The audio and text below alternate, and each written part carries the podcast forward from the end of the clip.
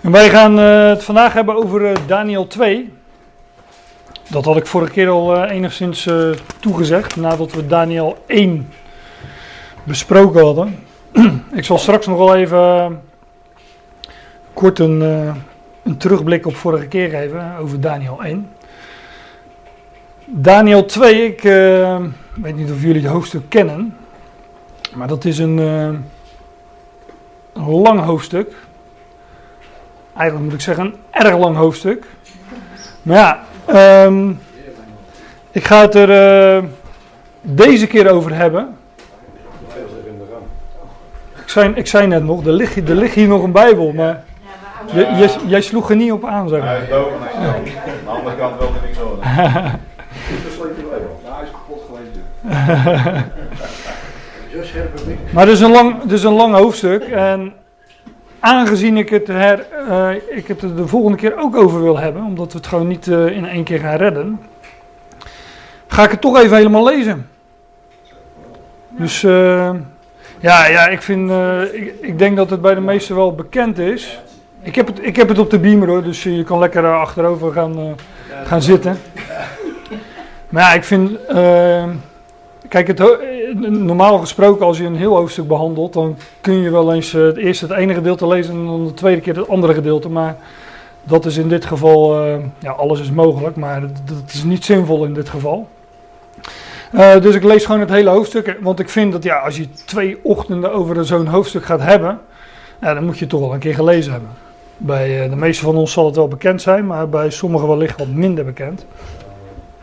En als ik dan ehm, wat dieper op versen in ga zoomen, dan, eh, ja, dan begin ik straks niet, eh, niet nog een keer bij vers 1. Dat, eh, dat beloof ik dan bij deze alvast. Maar we gaan gewoon het hoofdstuk lezen. Dus slokje water, adem in, adem uit en dan gaan we van start. In het tweede regeringsjaar van Nebukadnezar had Nebukadnezar dromen. Daardoor werd zijn geest verontrust en was het met zijn slaap gedaan. Toen zei de koning dat men de magiërs, de bezweerders, de tovenaars en de Galdeën moest roepen om de koning zijn dromen bekend te maken. Zij nu kwamen en gingen voor de koning staan. De koning zei tegen hen: Ik heb een droom gehad en mijn geest is zo verontrust dat ik die droom wil weten. Ik weet niet of jullie beelddenkers zijn, maar ik zie dan zo'n koning met zijn pyjama aan. eh, die alle wijzen uit zijn koninkrijk eh, bij zich haalt. Hè, zijn kunstgebit op het nachtkastje. En, eh, eh, lange gaap. En, eh.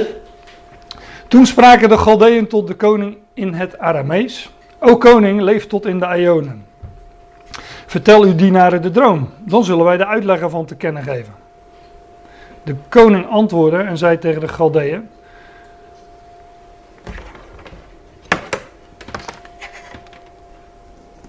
Even de stekker erin. De koning antwoordde en zei tegen de Galdeën: De zaak staat wat mij betreft vast. Als u mij de droom en de uitleg ervan niet laat weten, zult u in stukken worden gehouden. En zullen uw huizen tot een puinhoop worden gemaakt. Ja, het is natuurlijk niet leuk, maar ik moet toch altijd lachen als ik het lees. Die man eh, was redelijk direct. Maar als u de droom en de uitleg ervan wel te kennen geeft, zult u geschenken, een beloning en bijzondere eer van mij ontvangen. Daarom geef mij de droom en de uitleg ervan te kennen. De vraag is natuurlijk, wist hij nou echt die droom niet meer? Of wilde hij zijn eh, wijzen op de proef stellen? Zij antwoordden voor de tweede keer en zeiden, laat de koning aan zijn dienaren de droom vertellen, dan, dan geven wij de uitleg ervan te kennen. De koning antwoordde en zei, ik weet zeker dat u tijd probeert te winnen, omdat u ziet dat de zaak wat mij betreft vaststaat. Als u mij de droom niet laat weten, dan is er voor u maar één vonnis. U hebt met elkaar afgesproken om een leugenachtig en bedriegelijk woord tegen mij te zeggen, totdat de tijd zou veranderen. Daarom vertel mij de droom, dan weet ik dat u mij ook de uitleg, uitleg ervan te kennen kunt geven. De Galdeën antwoordden voor de koning en zeiden: Er is geen mens op de aardbodem die de zaak van de koning te kennen zou kunnen geven. Daarom is er ook geen koning, hoe groot of machtig ook, die een zaak als deze heeft gevraagd van welke magier, bezweerder of Galdeën dan ook. Want de zaak waar de koning om vraagt is te moeilijk. Er is niemand anders die het in de, in de tegenwoordigheid van de koning te kennen kan geven dan de goden die hun verblijf niet bij het vlees hebben. Hierdoor werd de koning woedend en zeer verbolgen En hij beval dat men al de wijzen in Babel om moest brengen. De wet ging dan uit dat de wijzen ter dood gebracht moesten worden. En men zocht ook Daniel en zijn vrienden om ter dood gebracht te worden. Toen wendde Daniel zich met raad en verstandige woorden tot Arioch, het hoofd van de lijfwacht van de koning, die was uitgetrokken om de wijzen van Babel ter dood te brengen. Hij nam het woord en zei tegen Arioch, de bevelhebber van de koning: Waarom is dit bevel van de koning zo overhaast uitgegaan? Toen liet Arioch Daniel de zaak weten. Toen trad Daniel binnen en verzocht de koning of hij hem een bepaalde tijd wilde gunnen om aan de koning de uitleg te kennen te geven. Daarop vertrok Daniel naar zijn huis en liet hij de zaak aan zijn vrienden Hanania, Misaël en Azaria weten. Opdat zij het aangezicht van de God van de hemel zouden zoeken om barmhartigheid te verkrijgen met betrekking tot deze verborgenheid. Zodat men Daniel en zijn vrienden niet met de rest van de wijze van Babel zou doen omkomen. Toen werd aan Daniel in een nachtvisioen de verborgenheid geopenbaard. Daarop loofde Daniel de God van de hemel. Daniel nam het woord en zei: De naam van God zij geloof van Aion tot in de want van hem is de wijsheid en de kracht. Hij verandert de tijdperken en tijdstippen. Hij zet koningen af en stelt koningen aan. Hij geeft wijsheid aan wijzen, de kennis aan wie verstand hebben. Hij openbaart diepe en verborgen dingen. Hij weet wat in het duister is. En het licht dat bij hem is, maakt knopen los. Ik ga er straks niet meer op in, maar ik was, uh, ik, ik, deze tekst heb ik in de herziene statenvertaling afgedrukt. En ben wel even doorgelopen in de grondtekst. Hier staat in de meeste vertalingen wat anders. Maar hier staat dat het licht dat bij God is, knopen losmaakt. Dat ontrafelt dingen. Dat opent dingen.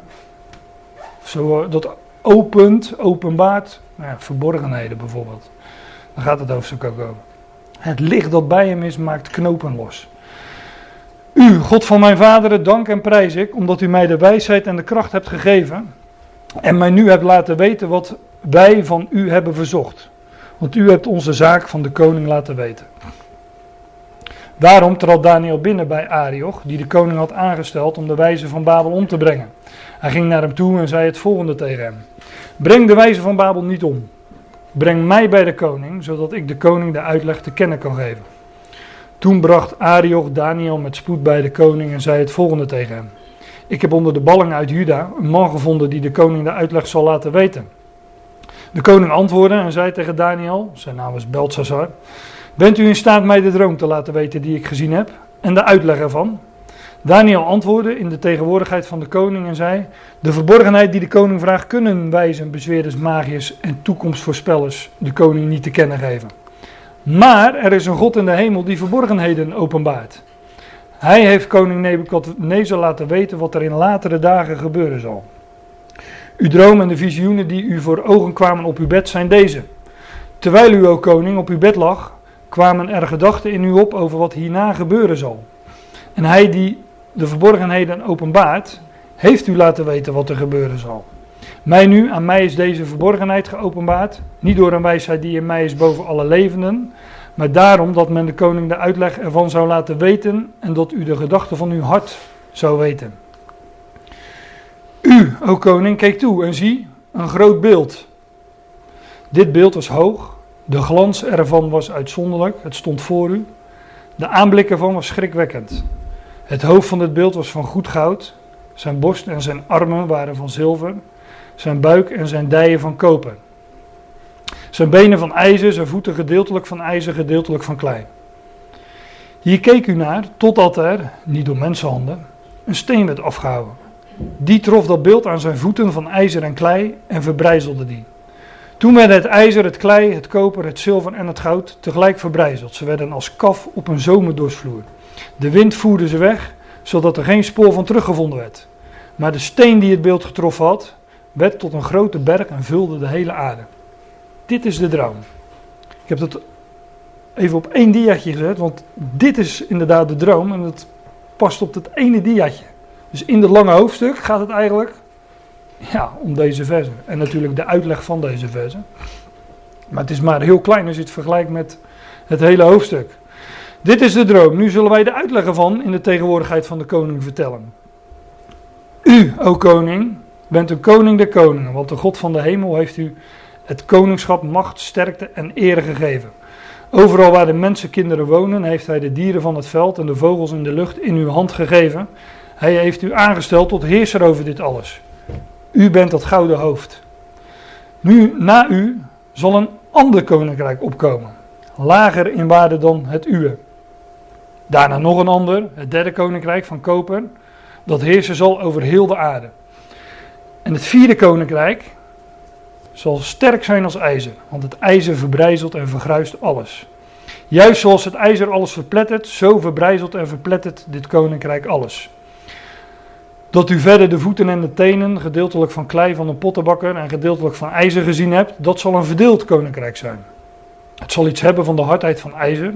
Juist daarom zag u ijzer vermengd met modderig klei. En de tenen van de voeten, gedeeltelijk van ijzer en gedeeltelijk van klei, dat koninkrijk zal gedeeltelijk sterk zijn en gedeeltelijk broos. Dat u gezien hebt ijzer vermengd met modderig klei, ze zullen zich door menselijk zaad vermengen, maar ze zullen zich niet aan elkaar hechten zoals ijzer zich niet vermengt met klei. In de dagen van die koningen zal de God van de hemel echter een koninkrijk doen opkomen, dat voor eeuwig, of voor de Ionen, voor de Aion, niet te gronden zal gaan en waarvan de heerschappij niet op een ander volk zal overgaan. Het zal al die andere koninkrijken verbrijzelen en teniet doen, maar zelf zal het stand houden voor de Ionen. Daarom hebt u gezien, daarom hebt u gezien dat niet door mensenhanden uit de berg een steen werd afgehouden, die het ijzer, koper, klei, zilver en goud verbrijzelde. De grote God heeft de koning laten weten wat er hierna geschieden zal. De droom is waar en de uitleg ervan is betrouwbaar. Toen wierp koning Nebukadnezar zich met het gezicht ter aarde en hij aanbad Daniel. En hij beval dat men hem een offergave en aangenaam reukwerk zou brengen. De koning antwoordde Daniel en zei: Waarlijk, uw God is de, de God der goden en de Heer der koningen. Hij openbaart verborgenheden, zodat u deze verborgenheid kon openbaren. Toen bevorderde de koning Daniel. Hij gaf hem vele grote geschenken en stelde hem aan als heerser over heel het gewest Babel en als het hoofd van alle machthebbers over alle wijzen van Babel. Omdat Daniel de koning daarom verzocht, stelde hij Sadrach, Mezach en Abednego aan over het bestuur van het gewest Babel. Daniel bleef echter in de poort van de koning. Tot zover de schriftlezing, zoals men uh, dat noemt. Nou ja, over het algemeen is, uh, is het er volgens mij uh, een niet zo heel moeilijk hoofdstuk. Maar er zitten wel wat, wat moeilijkere versen in. Um, maar ik wil eerst nog even naar de vorige keer, want toen hadden we het over Daniel 1. Dit was Daniel 2. En de vorige keer hadden wij het ehm, over Daniel 2. Dat gaat over, uh, over het Joodse volk. Dit is Juda. Het, het, gebied van de twee stammen waar dat Joodse volk uh, ja, hun woongebied had. Eh, en dat Daniel, het boek Daniel gaat over dit volk dat in ballingschap was weggevoerd naar Babel. En dat ligt dan ergens hier. buiten ja, buiten het scherm, zeg maar, buiten dit plaatje. um, ik heb vorige keer erop gewezen dat, kijk, dit, zijn alle, dit is het gebied van alle twaalf stammen van Israël. Uh, dit is Juda, de twee stammen, en dit is het gebied Israël, de tien stammen. Um, dus de naam Israël die gaat eigenlijk mee met, met die tien stammen. Na de, onder David was het koninkrijk een, koninkrijk van twaalf stammen. Na Salomo, door, vanwege de afgoderij van Sa Salomo, werd het koninkrijk verdeeld in een noordelijk rijk en een zuidelijk rijk. Een tienstammenrijk en een tweestammenrijk. Um, Daniel gaat over het Joodse volk, dit volk dat weggevoerd werd in ballingschap naar Babel. Dat zou 70 jaar duren. Ze zouden 70 jaar in Babel verblijven en daarna terugkeren. Dat vinden we allemaal terug in de schrift en ook in Daniel. Want in Daniel 9 zegt, kijk Daniel op zijn, uh, uh, op zijn klokje, weet ik veel.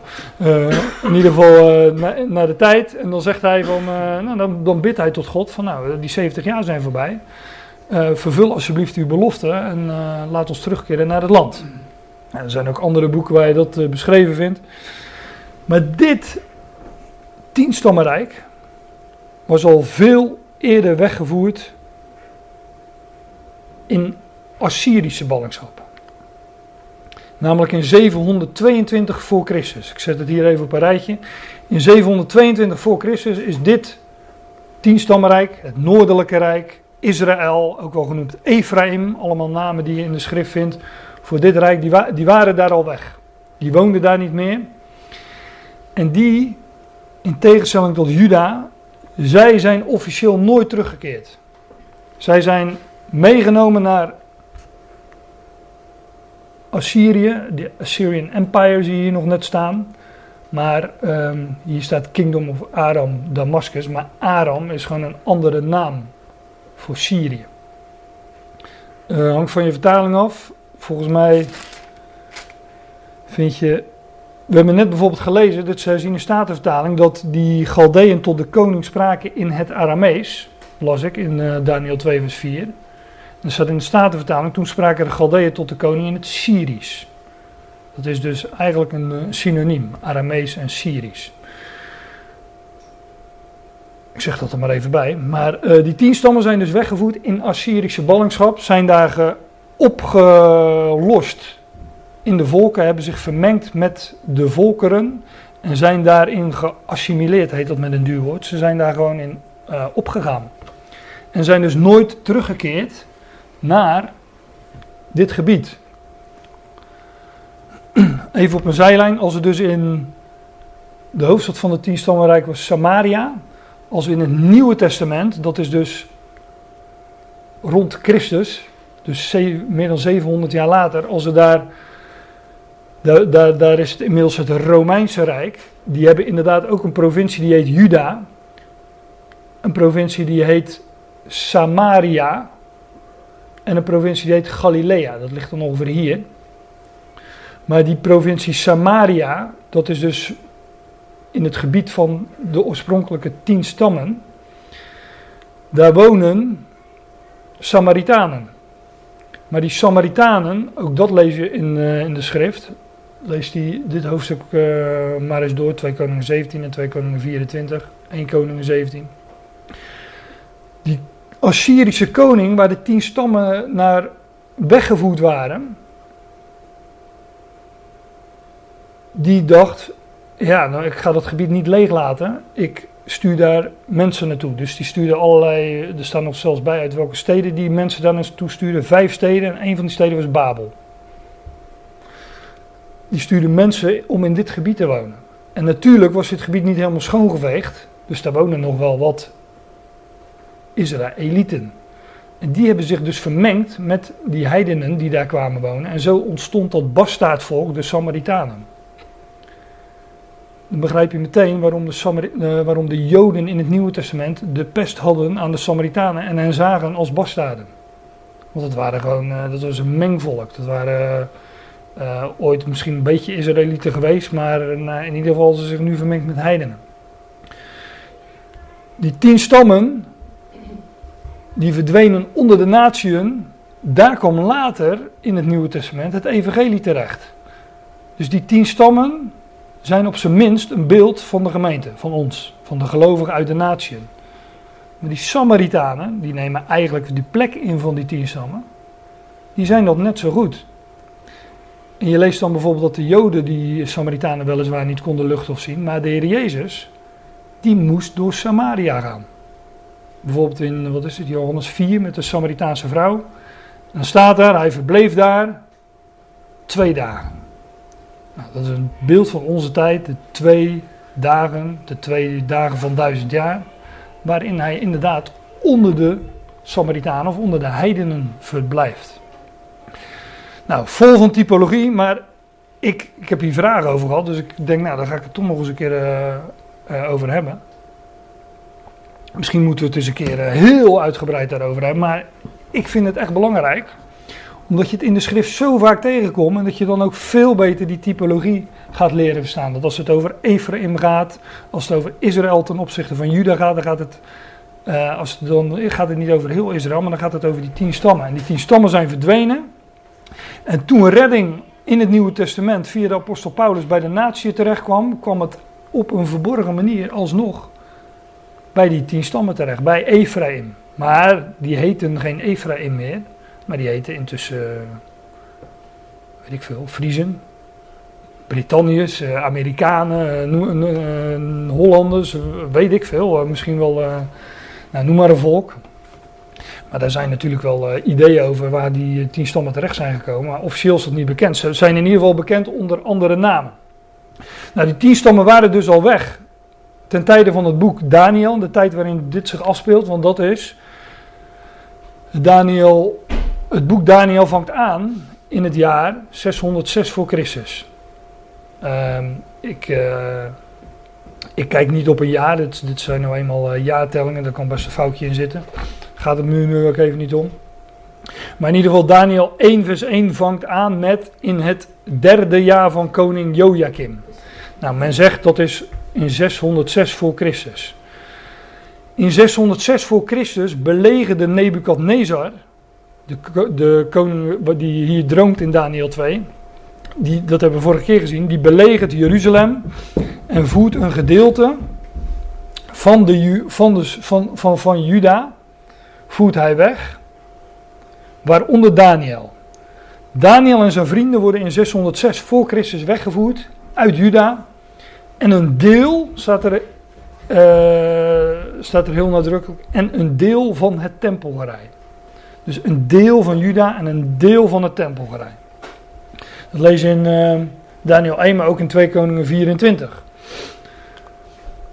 Pas in 598 voor Christus, acht jaar later dan de wegvoering van Daniel, pas in 598 voor Christus, wordt heel Jeruzalem weggevoerd in Babylonische ballingschap. Lees dit hoofdstuk eens een keer rustig door, 2 Koningen 24 en 2 Koningen 17, dan vind je dat allemaal terug. Maar hier staat heel nadrukkelijk in de versen 12 tot en met 14 van 2 Koningen 24. Toen pas, dus in het achtste jaar van Nebukadnezar zaten, toen pas acht jaar later, want hier uh, was, dit was aan het begin van de regering van Nebukadnezar, pas acht jaar later werd heel Juda weggevoerd. Nou, ik heb daarmee aangegeven, probeer aan te geven, dat Daniel, die al eerder werd weggevoerd vanuit Juda in Babylonische ballingschap, daarmee dus ook eigenlijk een type is van dat deel van heel Israël dat eerder weggevoerd werd dan heel Juda. Dus Daniel, ik geloof dat Daniel in dit verhaal ook een uitbeelding is van die tien stammen. Die verdwenen onder de natieën. Want wat gebeurde met Daniel? Die verdween inderdaad onder de natieën. En zoals Israël geen Israël meer wordt genoemd, want het zijn, het zijn nu volkeren, ze zijn bekend onder andere namen, welke weet ik ook niet precies. Zo werd Daniel ook bekend onder een andere naam. Hij werd Belshazzar. En uh, zijn vrienden kregen ook andere namen. Sadrach, Mezach en Abednego in plaats van uh, Hanania, en Azaria. Dus die Joodse namen die, uh, die, die ook gerelateerd zijn aan de God van Israël. En dan Ja van Yahweh en Misael van El is God. Zij kregen andere namen. Ze werden genoemd naar de goden van, de, ja, van Nebukadnezar. En zij kwamen buiten het, uh, buiten het land kwamen ze terecht, onder de natie. En ze kregen andere namen, een andere identiteit. nou, ik geloof dat het belangrijk is, want dat vinden dus de hele schrift zo'n beetje door. Even nog iets nog verder terug, want we kennen nog zo iemand die naar het buitenland ging en daar onder een andere naam bekend werd. En dat was Jozef. Dat heb ik vorige keer ook gezegd. En de parallellen tussen Jozef en Daniel, dat zijn er... Uh, velen. Ik heb er vorige keer een rijtje genoemd. Het dromen, onder de andere naam, uh, een hoge plaats gekregen buiten, dat, uh, buiten het land, nou, enzovoort. maar, um,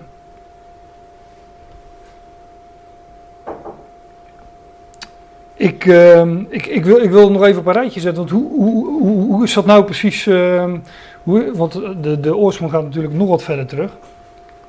Kijk, je hebt, uh, dat zei ik al, dat tienstammenrijk. En het, misschien het verwarrende en het wat lastigere hieraan is, hoewel het niet zo lastig is, je moet gewoon weten en op een gegeven moment uit je hoofd kennen, dat het tien stammenrijk bekend is onder Israël, de naam Israël. Hè? Soms wordt er gesproken over Israël en Juda. Nou, dan is Juda twee stammen en Israël tien.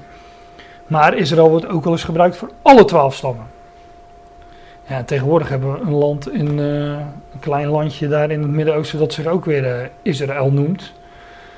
Maar de vraag is hoe, uh, ja, hoe rechtsgeldig die naam is om die aan dat landje te geven. Want het is uiteindelijk het Joodse volk wat daar hoofdzakelijk woont en verblijft. Ik weet niet of jullie het verhaal van het Zionisme kennen, hoe, hoe die staat Israël tot stand is gekomen. Men wilde dat ook eerst noemen de Joden, Judenstaat. Hè? Dat, uh, dat was, uh, maar toen werd het uiteindelijk toch Israël op de een of andere manier. Maar dat tienstammenrijk wordt Israël genoemd, het wordt Ephraim genoemd. En het wordt zelfs wel eens, ik heb tussen haakjes gezet omdat het weinig voorkomt, maar Jozef genoemd. Bijvoorbeeld in Ezekiel 37. Nou, hoe is dat tot stand gekomen? Dat zal ik straks eens laten zien. je hebt het twee stammenrijk Juda. Nou, dat, uh, dat lijkt me wel duidelijk. De aartsvader van die uh, stammen, hè, twaalf stammen, dat waren de twaalf zonen van Jacob. En met een aantal, eigenlijk is met elke, elk van de twaalf al iets bijzonders aan de hand. Maar Ruben was de oudste, maar die kreeg het eerst geboorterecht niet. Want het ging naar Jozef. Jozef was de lieveling van zijn, uh, van zijn vader. En Jacob, hè, zijn naam, zijn andere naam is Israël. Hè. Dus dit zijn, dit zijn de zonen van Israël, om het zo te zeggen. De twaalf stammen. Nou, Levi is wat bijzonders mee aan de hand natuurlijk, want uh, die uh, ontving het priesterschap, die stam.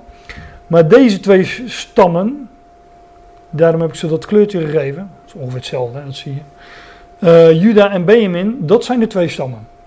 Waarbij Juda de dominante stam is. Hè, waarna het rijk is, koninkrijk heet Juda. Het heet het Joodse volk. Maar Juda krijgt één stam, stammetje mee en dat is Benjamin. Maar die tien stammen, die kregen weliswaar de naam Israël mee. Maar ook de naam Ephraim.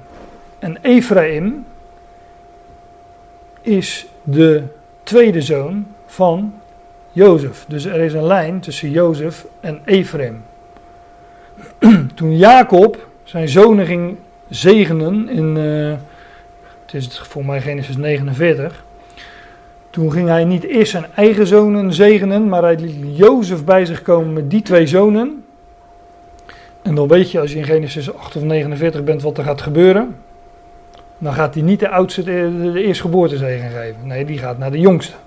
Want dat gebeurt heel Genesis door. Daar kunnen we heel wat voorbeelden van noemen. Hè? Met, dat, uh, met, met Abraham, uh, Isaac, uh, Jacob. Nou, die, die, waren allemaal, die waren allemaal niet de oudste. Dus het, was, nou, het eerstgeboorterecht zou naar Jozef gaan. Maar over het hoofd van Jozef zegent Jacob met gekruiste handen. Legt hij de rechterhand niet op het hoofd van Manasse, zoals eigenlijk zou horen bij een oudste zoon, maar hij kruist zijn handen en legt zijn hand op het hoofd van Ephraim en geeft Ephraim de eerstgeboortezegen. En Ephraim werd dus de meest dominante of prominente stam onder die tien stammen, waar het eerstgeboorterecht naartoe ging, waar de hoogste zegen, want dat is het eerstgeboorterecht, waar dat naartoe ging. En dat is dan later ook de aanduiding van dat tien stammenrijk.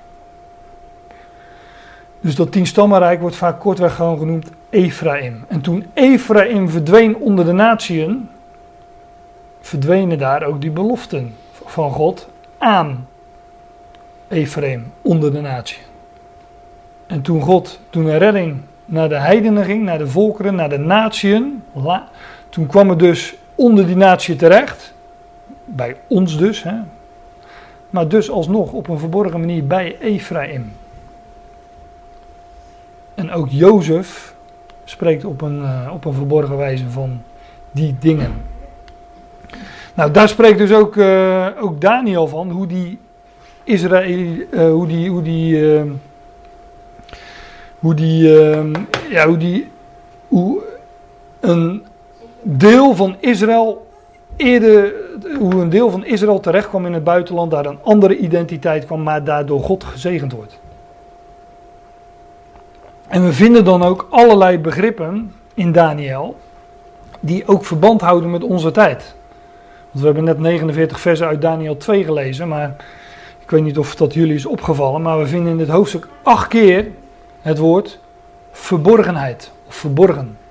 Een God die verborgenheden openbaart. En een droom is op zich al een, een verborgenheid. We vinden dan ook dromen in dit, uh, in dit Bijbelboek, een aantal keren. Straks wordt het wat makkelijker in de volgende hoofdstukken, want uh, dan droomt Daniel zelf. Dan zijn de hoofdstukken ook gelijk wat korter. Het scheelt enorm. Um, maar we vinden dromen in de Bijbel en die vinden we niet zo heel vaak hoor. Dat, uh, je zou denken van uh, het uh, van de dromen, maar dat valt wel mee. Je vindt dromen bij, ehm, ik heb dat even nagezocht, bij Jozef, Jozef en Daniel. Hoofdzakelijk. Jo Jozef uit Genesis, maar ook, hè, het lopen we tegen december, maar ook de, de vader van Jezus heet ook Jozef. En die droomde ook. Die verdween ook naar het buitenland. Ook naar Egypte. Het zijn allemaal parallellen natuurlijk. Maar ook van uh, Gideon vinden dat hij droomde. Ook een type van, uh, van Christus. En uh, van Jacob heb ik het ook nog met die Jacobs ladder natuurlijk. Met zijn, met zijn hoofd op de steen. Maar over die steen hebben we het in dit hoofdstuk ook weer. Dus daar komen we wellicht nog op. Nou, we vinden dus het woord verborgenheid acht keer in dit hoofdstuk. We vinden dromen, wat, ja, wat echt spreekt van onze tijd. Ik uh, durf wel te, nou laat ik het uh, genuanceerd zeggen, want ik ben een genuanceerd mens natuurlijk. Dat ik denk dat vrijwel elke droom in de schrift spreekt van onze tijd. Daar zit iets in verborgen dat spreekt van onze tijd. En we vinden in dit, in dit hoofdstuk het begrip wijsheid. En hoe God de wijsheid van deze wereld tot dwaasheid maakt. Hij zegt, God zet de wijsheid van deze wereld te kijk. Dat gebeurt in dit hoofdstuk, maar dat gebeurt ook bij die andere dromen. bij uh, jo Jozef. Bij Jozef lees je ook, net als je hier leest, dat alle wijzen werden rond, uh, rond die farao vergaderd en ze konden die droom niet uitleggen. En toen was er die schenker die zei van, oh ja, ik ben hem vergeten, want Jozefen worden vergeten, hè, want ze zijn uh, zoals zij ook vergeten zijn. Jozefen worden vergeten in de Bijbel of ze verdwijnen gewoon. Noem mij maar een Jozef die uh, met een doorlopende verhaallijn. Nou, de Jozef in Genesis zou je dat van kunnen zeggen, maar die verdween toch echt naar het buitenland. De vader van Jezus, niks meer van gehoord. Zo ken ik er nog een paar, maar daar, hebben we het dan misschien ook nog wel eens een keer over. Maar die, uh, die Jozef was dus ook vergeten door de schenken. Totdat Farao droomde en uh, droomde. een droom uitgelegd moest worden. En toen dacht die schenker van, oh ja, iemand heeft mij wel eens een droom uitgelegd. En dat is goed afgelopen. Dus laten we die eens uit de kelder halen. Ja, dat kan maar één iemand zijn die, die nu binnenkomt. En dat is Jos.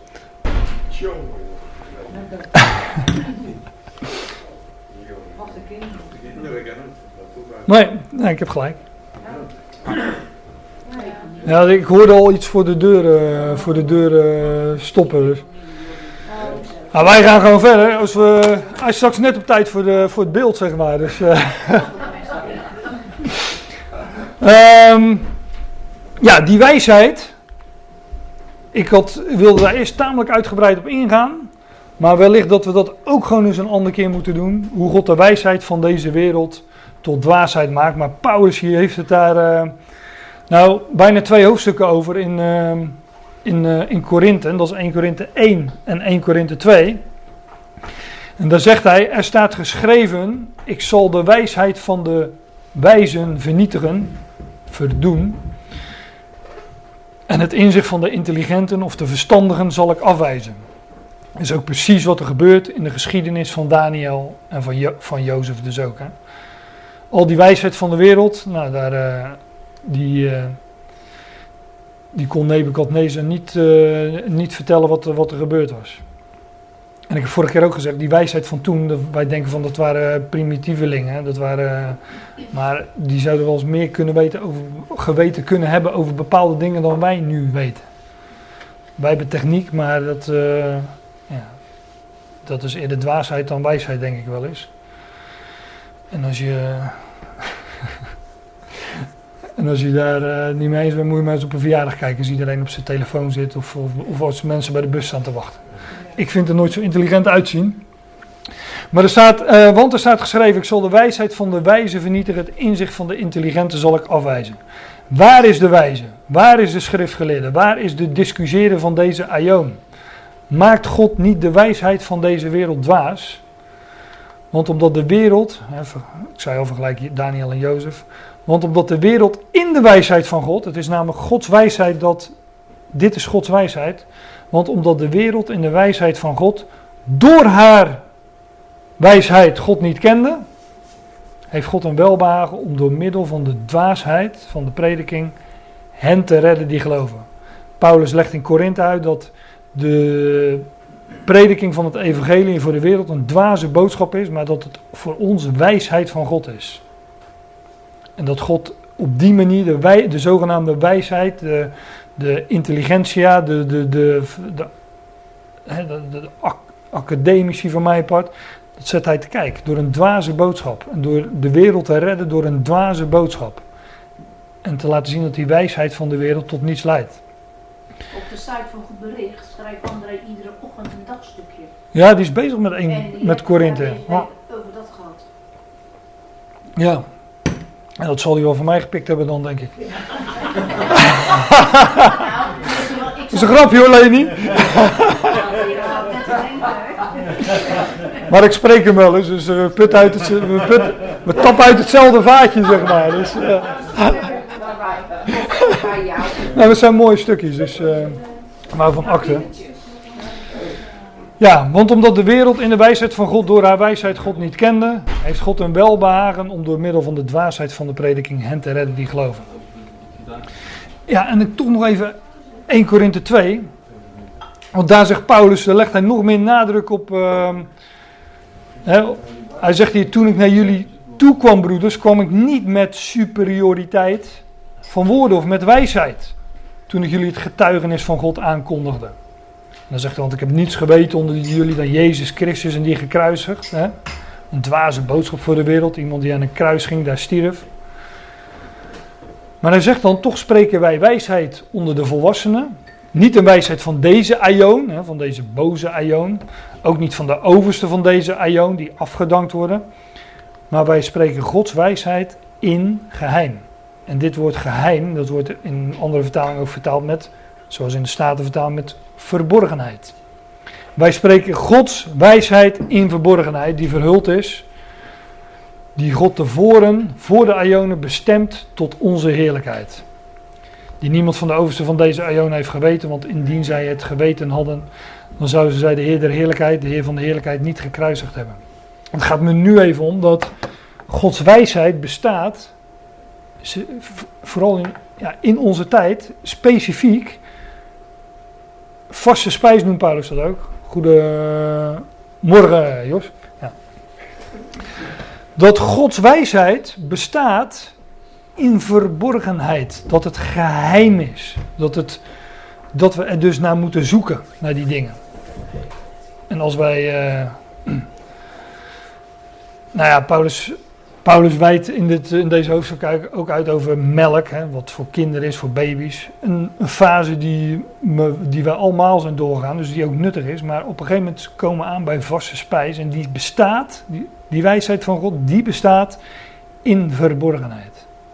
Nou, daar gaan ook die hoofdstukken van Daniel over, over verborgenheden. Acht keer kom je, dat, uh, kom je die term tegen in Daniel 2.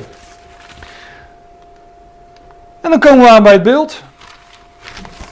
Toch wel. en uh, nou ik heb straks nog wel meer plaatjes van het beeld. Ik zag gisteren dat hij uh, aardige sixpack heeft, dat beeld. Dus uh, dat is wel een heel modern beeld, denk ik dan. Ik weet niet of ze zich daar vroeger ook al zo druk kon maken. Maar dit is dan het beeld, of een, uh, een tekening van dat beeld. En ik sla nu de eerste 24 versen over en ik haak even aan in, eh, in vers 25. Daar staat, eh, toen bracht Arioch Daniel met spoed bij de koning en zei het volgende tegen hem.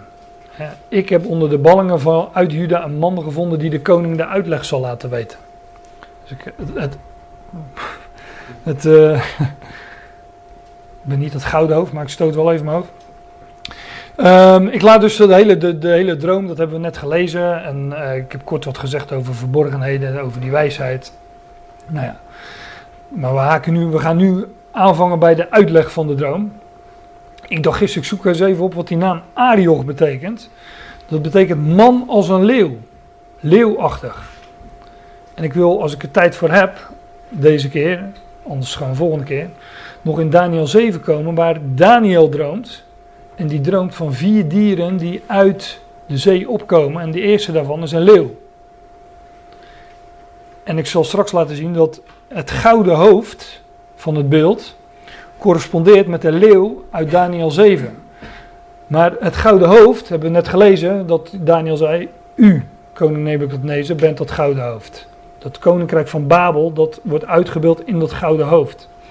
En dat koninkrijk van Babel, met Nebukadnezar aan het hoofd, had in het hoofd van zijn huishouding een man die heette Arioch en die heet Leeuwachtig.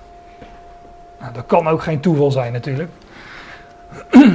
Ik weet, het klinkt nu wellicht wat mysterieus, maar als we straks het hele plaatje gekleurd hebben, dan, uh, dan wordt het uh, hoop ik wel ook wel duidelijk. Vers 26, de koning antwoordde en zei tegen Daniel, zijn naam was Belshazzar, want hij werd onder een andere identiteit bekend. Bent u in staat mij de droom te laten weten die ik gezien heb en de uitleg ervan?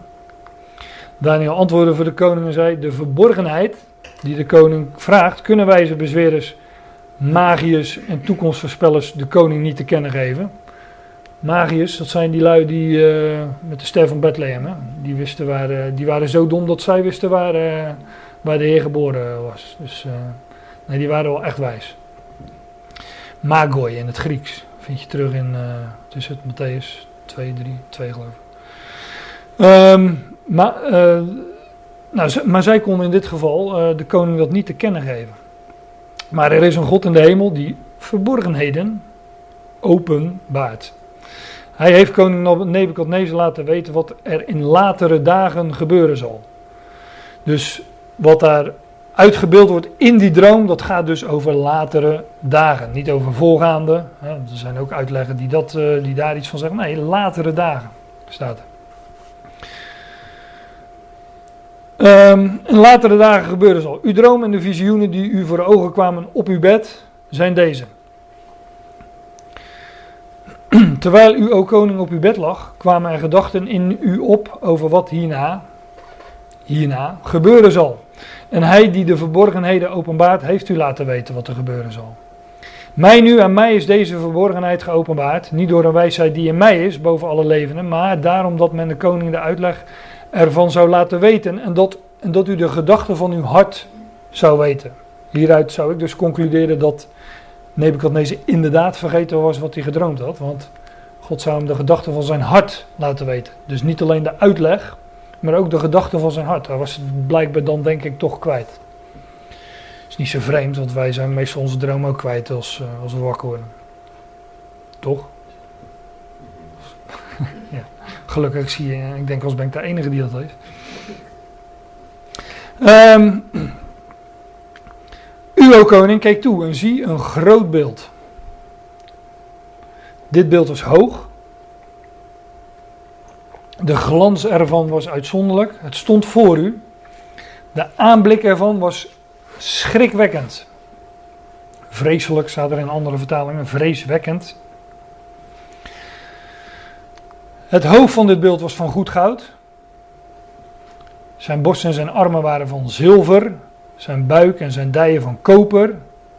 Zijn benen van ijzer. Zijn voeten gedeeltelijk van ijzer, gedeeltelijk van klei. Ik zit altijd naar die plaatjes kijken van hoe hebben ze dat dan getekend. In een droom kunnen natuurlijk dingen eh, gebeuren die lastig te tekenen zijn. Hè? Of te filmen of wat dan ook. Hoe, uh, ja, Hoe beeld je uit dat zeven magere koeien zeven dikke koeien opeten?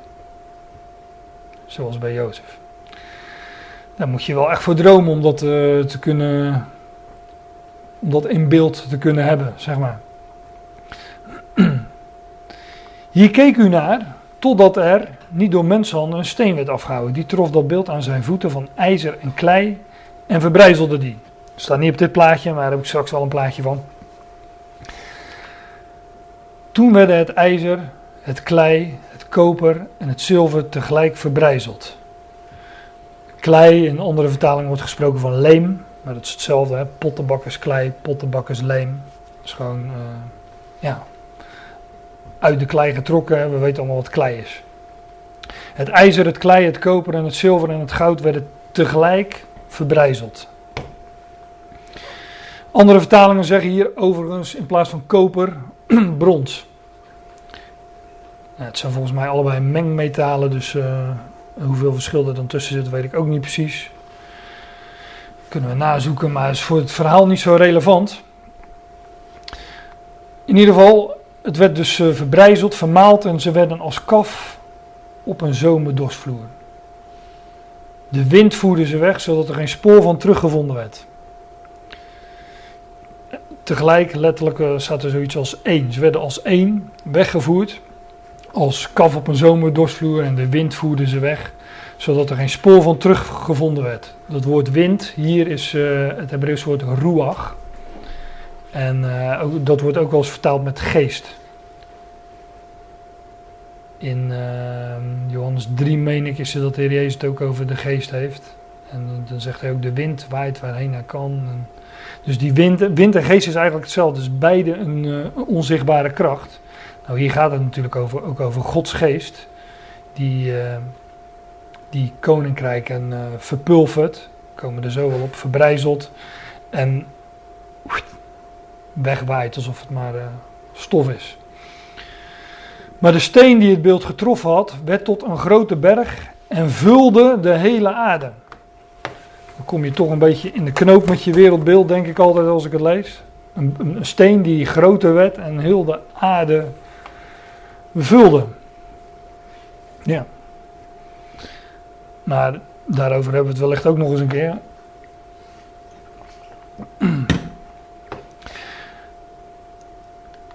Dit is de droom. Nu zullen wij de uitleggen van in de tegenwoordigheid, in de aanwezigheid van de koning vertellen. En dan zegt Daniel tegen Nebukadnezar. Het is eigenlijk, eigenlijk is de uitleg echt heel simpel. In ieder geval het begin. U, Nebukadnezar, u, o koning, bent een koning der koningen. Ik heb dat uh, even geaccentueerd. Want dat, uh, dat is nogal een uitspraak, dat Daniel dat tegen Nebukadnezar zegt. We weten allemaal dat die titel ook is voorbehouden aan de, aan de Heer Jezus Christus.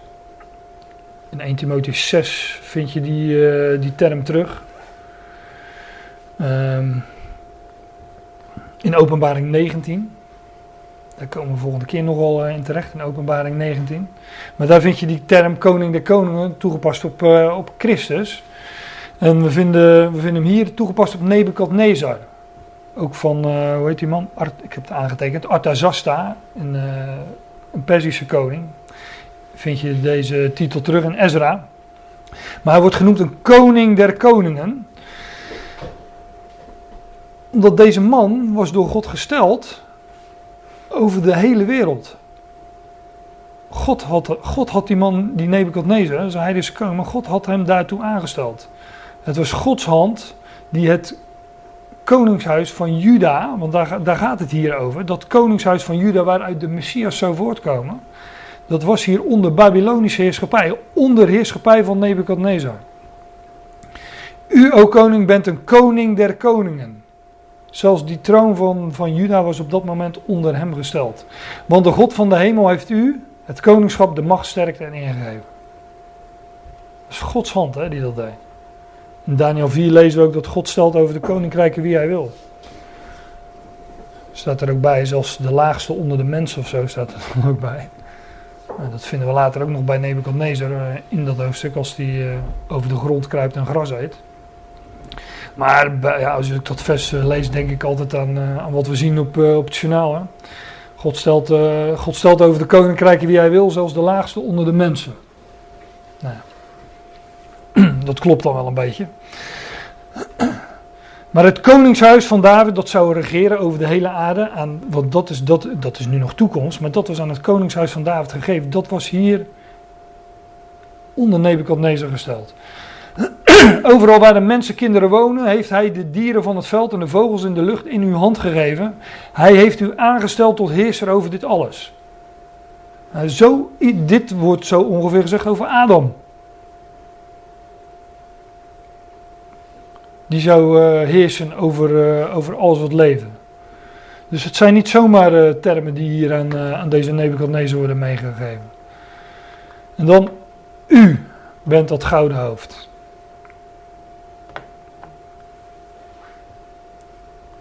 Dus Nebukadnezar is dat gouden hoofd, maar met hem natuurlijk dat koninkrijk van Babel. Want dat hoef ik tegen leden van het lichaam van Christus niet te, te zeggen. Het hoofd vertegenwoordigt het geheel. Toch? Hij is, hij is ons, Christus is ons hoofd, wij zijn leden van zijn lichaam. Nebukadnezar was het hoofd en de leden van zijn rijk eh, horen bij dat gouden hoofd. En dat Babylonische rijk had als hoofdstad ja, Babel.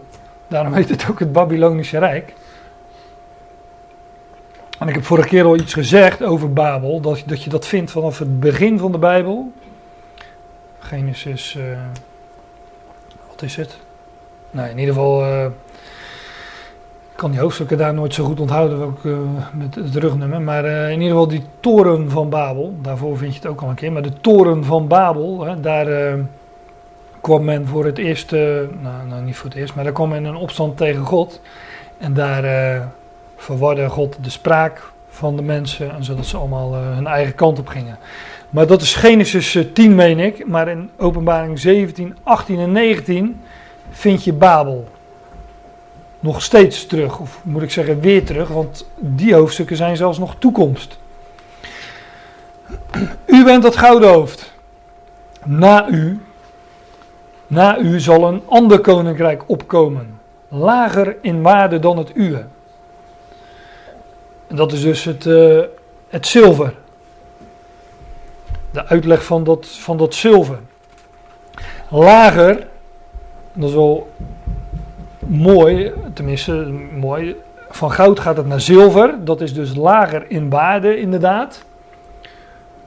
Letterlijk stond, zag ik in de interlinea's aan aardewaarts. Dus het is dus inderdaad een eh, aflopende zaak. Het gaat naar beneden. Het is een, eh, ja, het loopt af. Het is een neergang.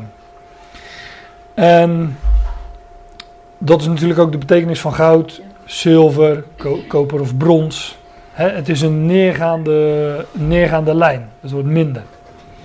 Nou, dat zilveren rijk, dat is een, eh, dat andere koninkrijk, lager in waarde dan het uwe, dan het koninkrijk van Babel. Dat is het rijk van de Meden en Persen. En dat vinden we nog in Daniel. Dat rijk van Meden en Persen.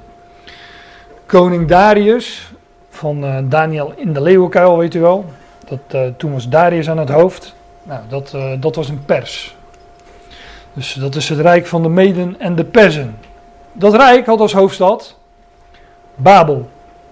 Het gaat hier over, eh, over Babylonische, over, oh ja, over, nou ja, over rijken met als hoofdstad Babel.